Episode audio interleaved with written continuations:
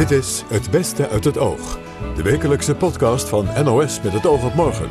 Met de mooiste gesprekken en opvallendste momenten van deze week. Hier is Mieke van der Wij.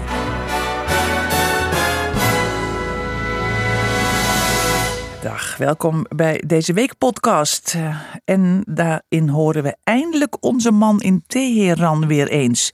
U kent hem vast nog, Thomas Erdbrink. Hij heeft al een jaar geen persaccreditatie meer en kan daardoor zijn werk als correspondent in Iran niet meer doen. Waarom hij monddood is gemaakt is hem niet verteld, maar hij heeft wel een idee. Ik denk dat Iran heel erg veranderd is. En eh, dat er steeds minder kan in een, in een land waarvan het regime steeds minder zelfvertrouwen heeft. Zometeen een uitgebreid gesprek met Thomas Erdbrink. We spraken ook met een slachtoffer van seksueel misbruik binnen de Jehovah's getuigen. Het was een ouderling uit de gemeente Meppel. Het was niet zijn eerste keer en ook niet zijn laatste keer. En eh, ja, dat heeft tot op de dag van vandaag. eh, heb je daar nog steeds last van?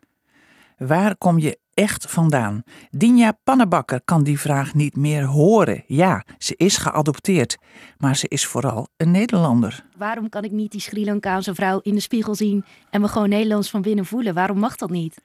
En aan het einde van deze podcast hoor je alles over dit wonderlijke instrument.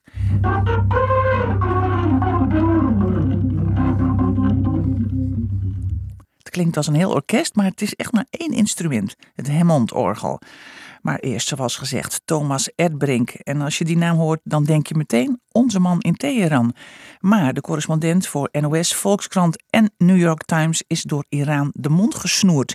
Zijn persaccreditatie werd na 18 jaar niet verlengd.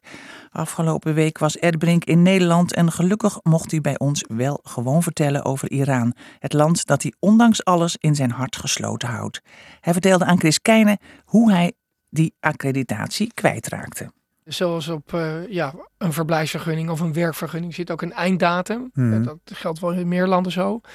En voor mij eh, was er na een jaar was de einddatum afgelopen. Dus ik ging vragen om een verlenging. Dat is heel gebruikelijk, dat had ik al 18 keer gedaan. Mhm. En eh, toen, toen ging ik naar het ministerie van Islamitische Leiding en Cultuur, afdeling Buitenlandse Pers. Nou, dat is een afdeling die niet zo druk meer heeft, want er zijn nog iets van op dit moment nog twee westerse journalisten. Die werken voor AFP en ik was er dan ook. Dus ik kwam binnen, ik zei, hallo, ik wil mijn perskaart Daar ik weer. Daar ben ik weer. Ja. Toen zei ze, ja, oh, de inkt van de printer is op. Want het is een hele mooie perskaart die geprint wordt. En toen ging de volgende dag, toen zei ze, nog steeds op. En toen, de dag daarna, zei ze, ja, je moet toch even bellen en wachten en met die en die. En toen had ik al een gevoel dat het niet goed zou gaan. En ja, toen kreeg ik eigenlijk te horen, ja, je krijgt hem voorlopig niet terug. Hmm. En van wie kreeg je dat te horen? Ik bedoel, Ja, moet je dan heel erg doorvragen? Nee, dan is er namelijk bij het ministerie, of het is- ministerie van Islamitische Leiding en Cultuur, afdeling Mhm. Buitenlandse Pers, is er ook een directeur Islamitische Leiding en Cultuur Buitenlandse Pers. En die, eh, die vroeg mij zijn kamertje en ik kreeg thee en hij zei, nou joh, voorlopig eh, kan je niet werken. En dan vraag je natuurlijk, waarom, dan niet? Ja. Waarom dan niet? En ja, dan komt er een heel vaag antwoord. We zijn het aan het uitzoeken, we weten het ook niet. En ja, ik ben de puzzelstukjes eh, gaan zoeken. En door over de maanden heen heb ik gehoord. En het ligt er eigenlijk aan dat als Nederlander die al 18 jaar in Iran woont en heel veel weet en ook de afgelopen jaren over heel veel gevoelige dingen heeft verslagen, Ja. eh, is er ergens in het Iraanse regime iemand geweest die heeft gezegd dat moet nu maar eens afgelopen zijn. Ah, je bent gewoon te goed. Nou ja, dat zeggen Omdat je, er al, omdat je er al zo lang zit en je, je, je, Ja. weet, je weet te veel eigenlijk. Ik had natuurlijk dit, dit jaar, dit bijzondere jaar, natuurlijk heel graag van die kennis gebruik gemaakt om, eh, om over Iran uit te leggen. En ik denk dat er mensen zijn die eh, dachten, nou, dat is beter van niet. Die schimmigheid, die gebruiken ze natuurlijk ook, ook. Ook om mensen bang te maken en te zorgen dat ze dus voorzichtig zijn. Ik bedoel, heb, je, heb jij dat altijd gedaan? Heb je altijd eh, geweten van er zijn grenzen en daar moet ik in ieder geval niet overheen gaan? En heb je ook een beetje een idee van misschien ben ik daar een grens over gegaan? Ja, Of? nou, ik denk dat, dat, eh, dat, dat ik eh, in Iran een heel moeilijk spel heb moeten spelen mijn hele leven. En dat ik dat spel eigenlijk moeten spelen om mijn verslaggeving zo puur mogelijk te houden. Er zijn talloze Iraanse journalisten die de gevangenis in, zijn Ja. gegaan. En ehm, ik heb geprobeerd om eigenlijk alles waar de Iraanse autoriteiten normaal nerveus van werden, om dat uit te blokken. En daar bedoel ik mee Hmm, Ehm, dat ik mijn verhaal schreef dat ik als een journalist altijd heb geprobeerd om alle kanten van het verhaal te beschrijven. Dat ik ook ieder verhaal heb beschreven. Een van de laatste verhalen van onze mannen uh, Teheran ging bijvoorbeeld over hè, de professor die in de, in, de, mm, in de gevangenis onder verdachte omstandigheden om het leven kwam. Maar ik heb altijd gezorgd dat ik geen verdachte patronen erop nahield. En wat bedoel ik daarmee? Iran is bang voor spionnen. Hmm. Dus als ik iedere week bij die ambassade zou zitten, of iedere week uh, bij dat vreemde businesscontact zou zitten, waar ik verder eigenlijk niks mee van doen had, dan zou ik dus angst creëren bij die mensen. En ik denk dat dat goed is gegaan. Ik was altijd een pure journalist. Ja. Uh, maar ik denk dat Iran heel erg veranderd is. En uh, dat er steeds minder kan in een, in een land waarvan het regime steeds minder zelfvertrouwen heeft. En dat ja, bij dat zelfvertrouwen hoort ook dat je toestaat dat buitenlandse journalisten Ja. verslag doen van je land. En dat zelfvertrouwen is op heel veel vlakken en ook dit weg. Ja.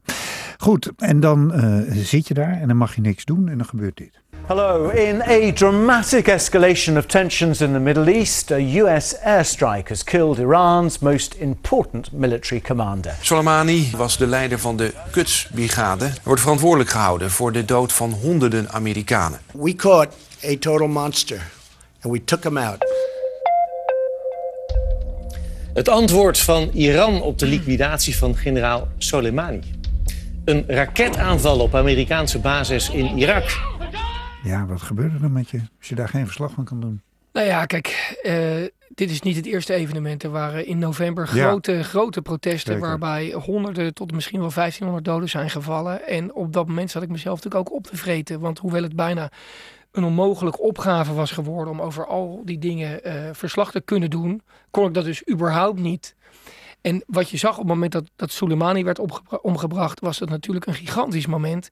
En ik denk dat dat wel echt een moment is dat je de waarde ziet van journalisten ter plekke. Want veel mensen zeiden toch van, ja, dit laat zien dat er totale eenheid is in Iran.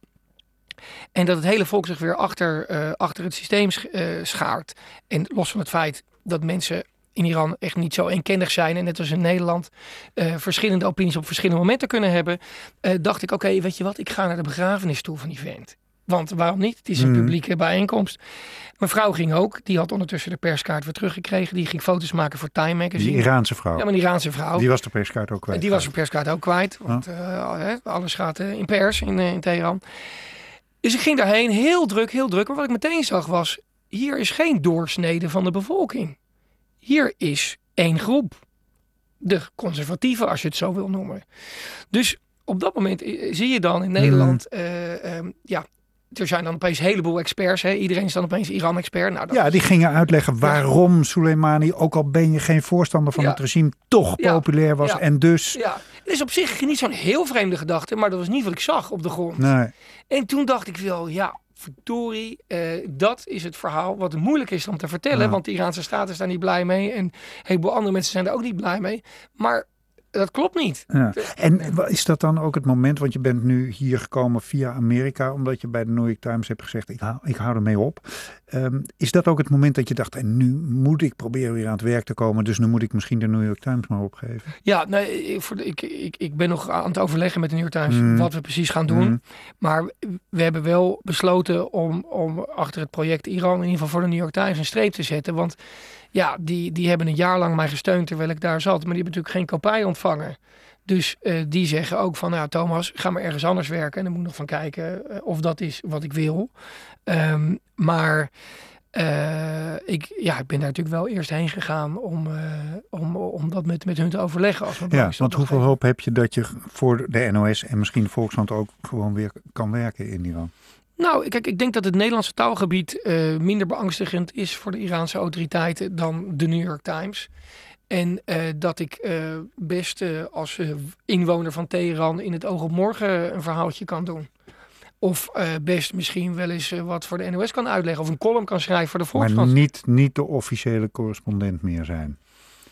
Nee, zolang ik geen perskaart heb, niet, nee. Nee, maar is er kans dat je die terugkrijgt nu je bijvoorbeeld niet meer Nou ja, mijn gedachte is, als, als hij niet daar. terugkomt, dan ga ik gewoon in Nederland wonen. Dat is een land waar ik ook al 18 jaar niet ben geweest. En waar ook heel veel interessante dingen gebeuren. Eh, en eh, dan eh, ja, moet ik gewoon mezelf weer uitvinden. Oké. Tot slot dan nog even, want na die begrafenis van Soleimani zagen we natuurlijk dat weekend na uh, de toegeven van het neerschieten van dat Oekraïense verkeersvliegtuig. De andere demonstraties uh, ja. in Iran. Ja, waar gaat het heen, Thomas, nu we je toch hebben? Ja, dank je. um, waar gaat het heen? Kijk, ik denk dat Iran een heel verdeeld land is geworden. Waarbij uh, de staat steeds zenuwachtiger wordt over zijn eigen positie. Maar ik denk ook dat we niet uh, moeten onderschatten hoe sterk de veiligheidsdiensten van die staat zijn. En ook dat we niet moet, moeten denken dat alle Iraniërs één gedachte hebben. Hmm. Er zijn daar net als hier uh, ja, kampen, links, rechts, uh, hè, boven en beneden, ik noem maar wat, uh, die verschillende ideeën hebben. En er zijn ook gewoon genoeg, genoeg mensen die dit regime steunen. Omdat ze bang zijn voor onzekerheid, omdat ze erin geloven. Ben jij bang voor die onzekerheid? Want die ontstaat natuurlijk wel als er een machtsvacuum zou ontstaan Ja. in Iran. Ik, ik heb verslag gedaan in uh, Irak, Afghanistan, Libië, Libanon. En ik heb gezien waar onzekerheid toe kan leiden. En ik denk dat uh, een heleboel Iraniërs uh, dat ook heel erg beseffen, dat dat ook een gevaar is. Hm. Dat, er ook ons, dat, dat, dat een machtswisseling kan ook leiden tot onzekerheid die mensen niet kunnen voorzien. En ik denk dat dat een heleboel mensen weerhoudt van echt wat doen. Maar ik kan de toekomst niet zien. Nee, uiteraard niet. Ik hoop heel erg dat je het heden en dan het heden in Iran voor ons wel weer kan gaan bekijken. Ik wens je veel succes. Dankjewel, Thomas. Dank je. De christelijke gemeente van de Jehovah's getuigen had een kort geding aangespannen om te voorkomen dat een onderzoek over seksueel misbruik werd gepubliceerd. Naar aanleiding daarvan ontving Chris Keijnen, ook hij weer, net ook al het gesprek met Erdbrink gedaan, maar hij heeft ook twee uitzendingen uh, gepresenteerd deze week. Een vrouw die tussen haar 11e en 13e door een ouderling in Meppel is misbruikt. Marianne de Voogd vertelde openhartig hoe het begon ik kwam eigenlijk nieuw in de gemeente. We kwamen in uh, Meppel wonen. Dus je gaat naar een hele nieuwe gemeente, je kent er niemand. En daar was gewoon een ouderling uh, en zijn vrouw, die zelf kinderen had ook.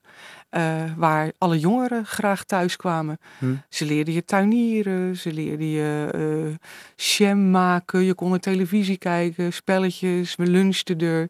En uh, ja, ik ging gewoon voor het eerst mee met een, met een groep jongeren daar.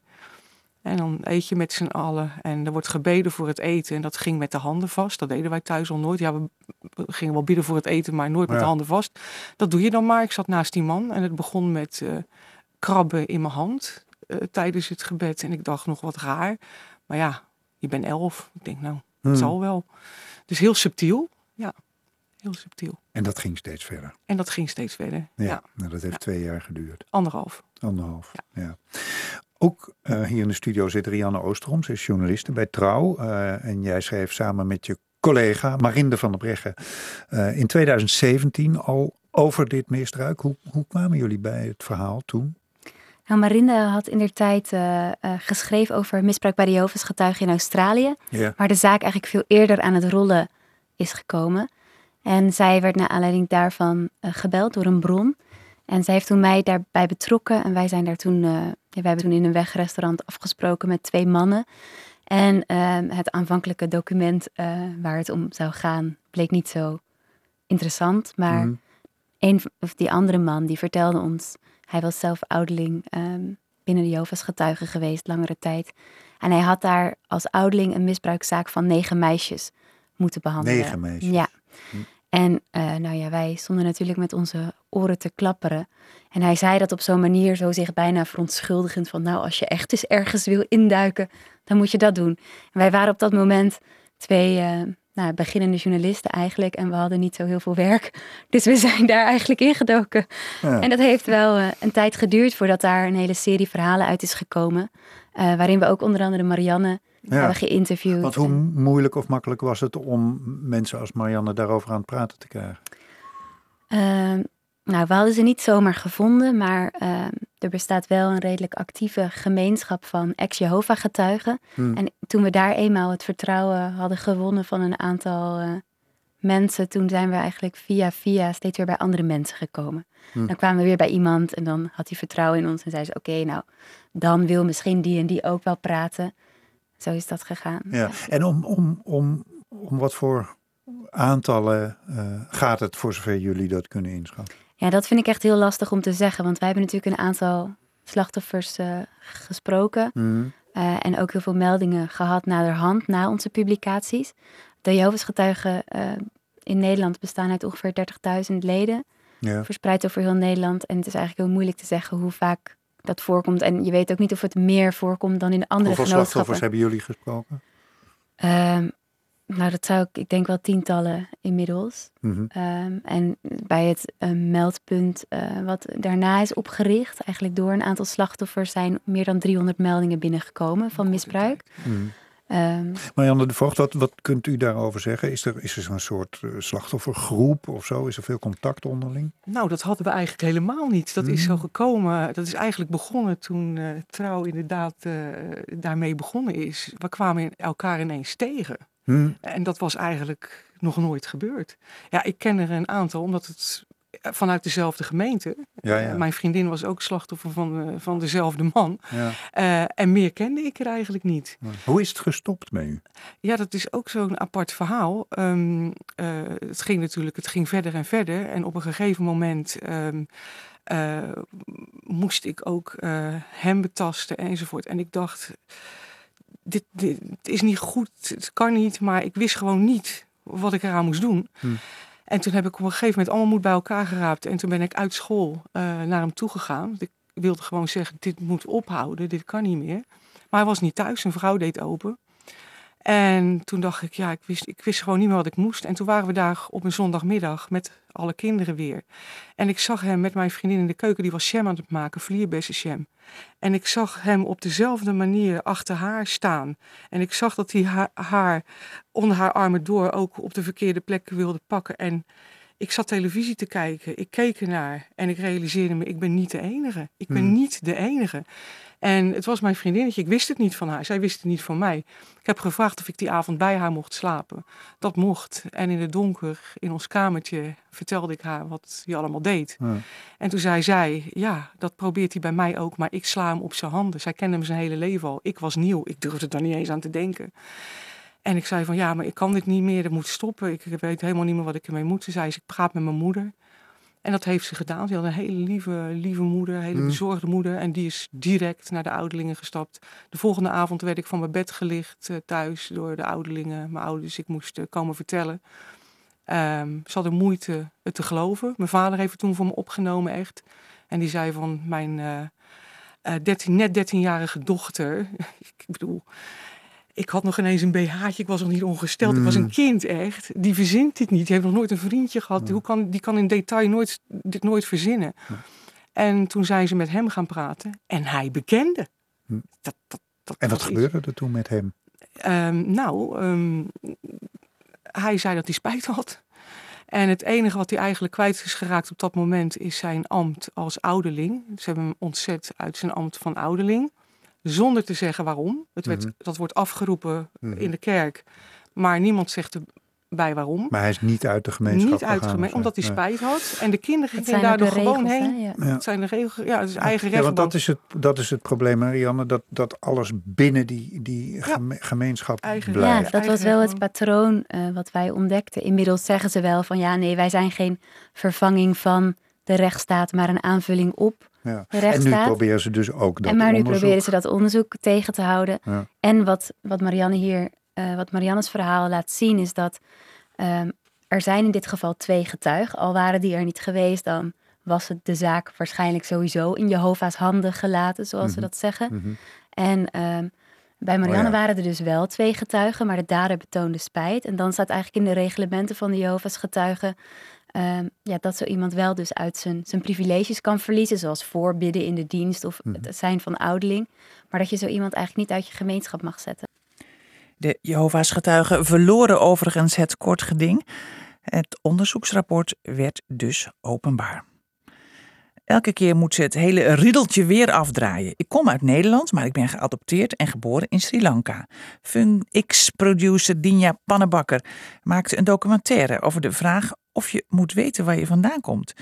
Bij Joost Vullings vertelde ze waarom het zo vervelend is als mensen steeds over haar adoptie beginnen. Ik voel me heel Nederlands van binnen, maar van buiten zie ik er natuurlijk uit als een Sri Lankaanse vrouw. Dus voor mij klopt dat helemaal, maar voor de buitenwereld rijmt dat niet met elkaar, zeg Ja. maar. Ja. Maar als jij dan zegt van joh, dat zegt mij allemaal niet zoveel Sri Lanka. Hè, ik ben gewoon een, een, een, Nederlandse vrouw. Was het dan ook klaar?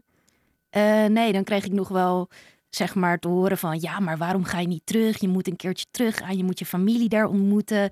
Je moet wel wat van je land af weten. En dan had ik zoiets, nee, dat hoeft helemaal niet. Want ik ben gewoon gelukkig hier. Ja, nou in je documentaire is dat, is dat dan ook te zien dat veel mensen in je omgeving niet lijken te begrijpen dat je niet meer, eh, ja, over je, niet meer over je roots wil weten. Hoezo wil ze het niet weten? Hoezo Ja. wil ze niet daar naartoe? Het is toch Het een is deel, een deel, van, het is een deel van jou. Ja. Ik vind wel, je roots blijft wel een onderdeel van wie jij bent, weet je. Waar is die basis neergelegd? Ja, in Sri Lanka. Dus die snap ik niet. Wat houdt je tegen, denk ik dan? Ja, jouw roots liggen in Sri Lanka, vinden mensen. Ja, dat vinden mensen. Terwijl jij denkt, ja, ik ben er geboren, daarna was ik binnen een paar weken weg. Ja, ja, zo voelt het. Ik weet ook wel dat mijn roots in Sri Lanka eh, liggen. Ik bedoel, dat kan ik niet ontkennen. Als ik in de spiegel kijk, dan zie ik gewoon een Sri Lankaanse vrouw. Maar waarom kan ik niet die Sri Lankaanse vrouw in de spiegel zien en me gewoon Nederlands van binnen voelen? Waarom mag dat niet? Ja. Nou, aan de andere kant kan ik me voorstellen, eh, je hebt ook heel veel mensen die kijken allemaal naar het programma Spoorloos. En eh, weet je, er zijn altijd mensen die, die dan moeite hebben met, met, met dat ze geadopteerd Ja. zijn, terug willen naar hun roots, juist heel erg willen weten waar kom ik vandaan. En dat is het beeld wat wij natuurlijk heel erg hebben van geadopteerde mensen. Ja. En bij jou is het helemaal andersom. Ja, en dat, dat vind ik ook heel mooi. Ik bedoel, heel veel respect voor die mensen, want dat is hun verhaal. En zo zijn er gewoon honderden verhalen. En dit is dan inderdaad mijn verhaal. Maar dat hoor je niet en dat zie je niet. Dus ik wilde dat gewoon graag delen. Ja. Maar wat heeft die speurtocht in die documentaire jou opgeleverd? Welke inzichten? Ehm, vooral eh, een stukje meer te weten gekomen over mezelf. Want ik was ook wel heel erg. Ik had best wel een tunnelvisie voordat ik erin ging. Ik moest me ook leren openstellen. Dus ja, je hebt de documentaire zelf gezien. Je ziet me wel aan het begin best wel.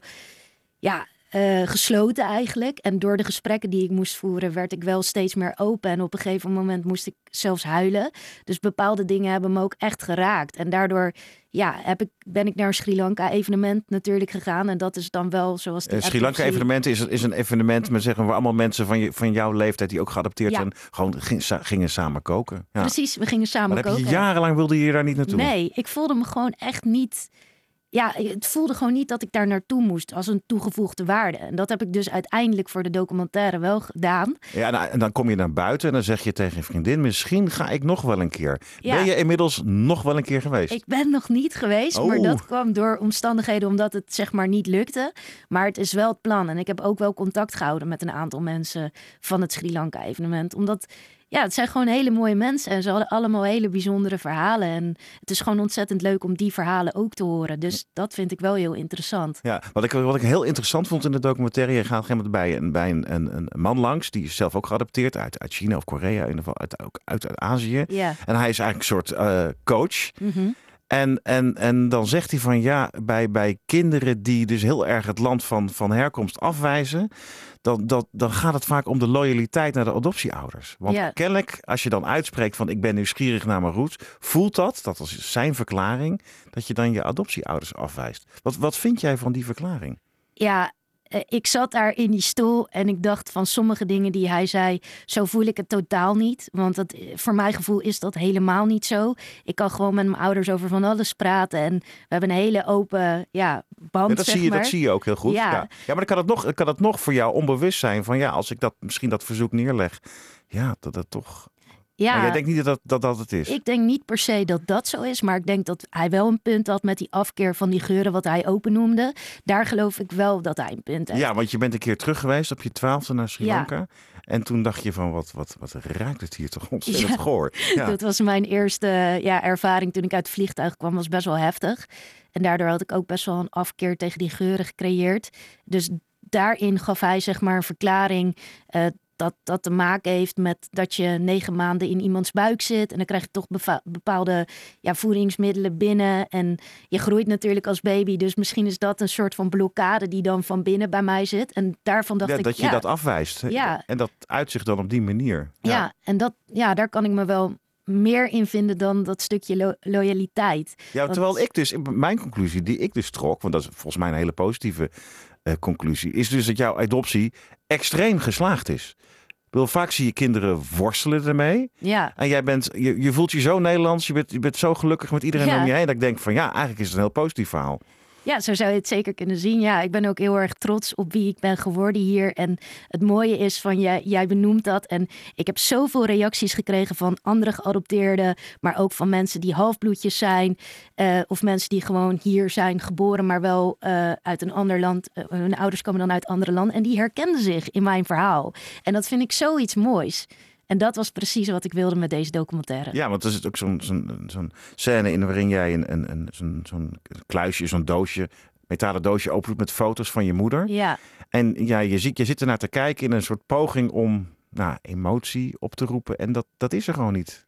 Nou, er kwam op dat moment wel een beetje emotie los, omdat het, de, de camera draaide en het moment was daar, zeg maar. Maar eh, ja, wat ik voor, voor mijn moeder, dat is niet mijn adoptiemoeder, dat is gewoon mijn moeder voel aan liefde. Ja, dat, die vrouw op de foto, dat voelt gewoon als een vrouw in een magazine. Alsof je iemand aanwijst en zegt, hé, hey, dit is je moeder, ja. Ja. Oké, ja, dat klinkt misschien heel hard, maar ik heb daar gewoon geen gevoel bij. Nee, en dat was ook het, een, een mooi moment dat je bij een meisje langs gaat van, met Chinese roots. Ja. En die heeft haar moeder wel ontmoet. Ja, die bleek, eh, hoe dat zit weet ik, maar die bleek gewoon in Nederland redelijk om de hoek, te, Ja, klopt, op de ja. hoek te wonen. En, en zij vertelt dat haar moeder eh, bij haar langskwam. En dat het er eigenlijk, dat het, ja, het deed wel wat meer in de zin van, ja, wat is het, wie is die vrouw eigenlijk? En dat, was, dat vond jij zelf heel aangrijpend. Klopt, ja, dat was het moment dat ik brak, omdat dat een stukje erkenning was. Want ik dacht, hé, hey, jij begrijpt mij. Jij hebt dus die zoektocht in gang gezet. Zij heeft daar maanden, misschien wel jaren naartoe geleefd. En dan had ze dat moment, dat moment was daar en het heeft haar niet verder gebracht. Ze is nog steeds dezelfde vrouw, alleen ze was zo ontzettend teleurgesteld. Niet dat ik dat wil horen, maar ik dacht, het kan ook gewoon zo zijn, je wil, zoals die, je wil- wil horen dat je niet gek bent eigenlijk. Ja, ik wilde gewoon horen dat het goed was, zoals het Ja. is. En dat hoorde ik op dat moment, ja. Ja, eh, nou ja, het, het gaat zeker eh, goed met je. Ik bedoel, eh, je doet allemaal leuke dingen in je leven. Dat is ook te zien in, in, in de documentaire. Ben je nu wel toch dat je denkt, nou, nou nu moet ik toch misschien maar eens even naar Sri Lanka toe. Nog een keer. Nou, zeg nooit nooit. Maar ik heb nog steeds niet echt het gevoel. Laten we beginnen bij het Sri Lanka-evenement. En wie weet komt er ooit een dag dat ik die kant op ga. Die documentaire Ik kom niet uit Nederland is terug te kijken via NPO Start. Het laatste onderwerp dat heeft te maken met het Hammond-orgel. Sven Figué is de Hammond-man van Nederland. Hij struint al jaren de Nederlandse podia af met dit bijzondere orgel. Momenteel toert hij met zijn voorstelling Van Bach tot Blues. Hij maakte een tussenstop in de oogstudio. Aan Chris Keijne liet hij horen hoe dat klinkt. Bach op een Hammond-orgel. Nou, wat ik doe, ik gooi er een klein beetje een delaytje op. En dan ehm, maak ik het een beetje dreamy, zeg maar.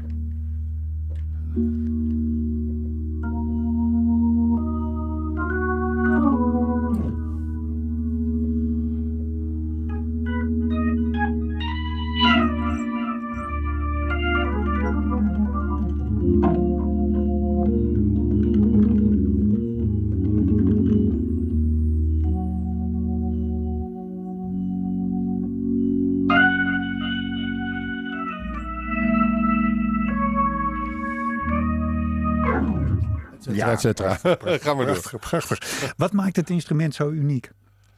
Het is, het is, de, het is de, de, de kleur van de sound. Het, eh, je, je, je kan zeg maar, met een Hammond kan je, wat ik nu deed, dus je kan heel, heel klein en heel teder spelen. Maar je kan ook verschrikkelijk...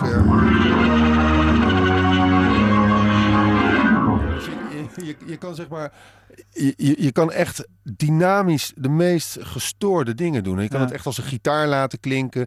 Je kan het als een heel klein, hele kleine belletjes laten klinken. Wat ik, dit, dit soort dingen voor. Mhm, mhm, mhm. Ik, ik, de- de- ik denk, ja, goed, ik weet, ik weet er veel te weinig van, maar ik denk Jimmy Smith een van de grootste Hammond-spelers ooit is. Ehm, die zegt, terwijl sommigen vinden dat een orgel klinkt als een compleet orkest, denk ik dat het meer een blaasinstrument is. Ik ben altijd een bewonderaar van Charlie Parker geweest en probeer net als hem te klinken. Ben je dat met hem eens? Ehm, nou ja, het, het heeft zeker een, een brass. Dat zijn echt, zo, weet je, echt, eh, echt die orkestrale, orkestrale blaasachtige dingen. Dat kan je er zeker uithalen. Maar ja, het is, ook dat andere is waar, weet je. Ja, want het is geen, eh bedoel, een orgel is een blaasinstrument, is een windinstrument, maar dat is dit niet, hè? Nee, nee, nee. Een, een Hammond-orgel brengt zijn toon voort door een eh, zogenaamde toonwiel van origine. Dat zit in dit orgel ook. Dat is eigenlijk een, een, een, echt een fysiek ronddraaiend wiel met schijven eraan. En daar zitten magneten aan. En, en, en door, die, door het magneten langs spoeltjes eh, draaien op een bepaalde snelheid, wekt dat die toon eh, op. Ja. Oké, en nou ga je dus het theater in eh, met, met Bach en blues. Normaal met je band speel je vooral blues, soul en, en rock. Waar, waar, waarom de behoefte om dat klassiek erbij te nemen deze keer? Nou, ik ben ehm, begonnen als pianist en ik ben eigenlijk ook nog steeds pianist. pianist de piano is mijn, eh, mijn eerste liefde geweest en ook nog steeds eh, mijn andere eh, grote muzikale liefde, zeg Ja, maar. ja. En ik heb ehm, bij mijn eigen band niet, niet, niet heel veel de kans om, om die piano ook naar voren te halen. En op de piano heb ik altijd veel klassiek gespeeld. En altijd Bach gestudeerd. eh, Mozart, Beethoven, eh, Chopin, Satie, eh, noem maar op.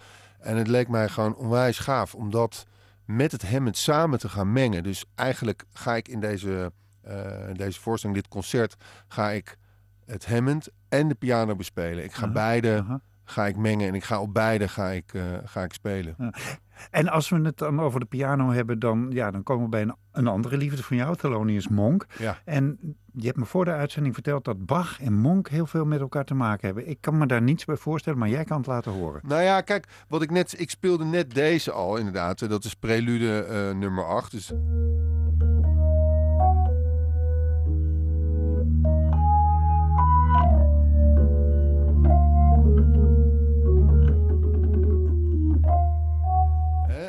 ja, goed.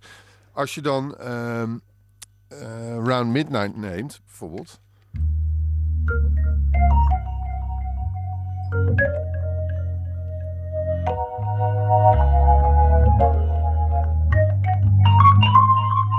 Het zit zo bij elkaar. Ja, ja geweldig. Bach meets Monk in het Hammond-orgel van eh, Sven Vigé. Ehm, je hebt eh, dit najaar met het, eh, met het residentieorkest gespeeld. Hoe was dat? Ja, dat was onwijs gaaf. Dat was echt, ja, dat was wel een, een hoogtepunt. En waarom? Nou ja, avondvullend. Je hebt, als- je hebt een heel orkest daar. ja, ja, maar ja, dat, dat is natuurlijk, hè, dat, kijk, en 20, wat, wat waren het? 25 strijkers, eh, blazers, percussie, een, een drums, bas erbij. eh, en echt een heel symfonieorkest achter je hebben, dat is natuurlijk, ja, dat is natuurlijk geweldig. En om daar avondvullend als solist voor te mogen staan, dat, is, dat was echt een droom die uitkwam. En dat was een, ja, was een waanzinnige ervaring. En dat is iets wat ik hoop nog eh, heel vaak te mogen doen. Ja, mooi verhaal. En met deze mooie klanken komen we aan het eind van de podcast voor deze week. En we kunnen natuurlijk maar op één manier afsluiten. Goedendag, nacht, vrienden. Op het Hammond-orgel. Dag.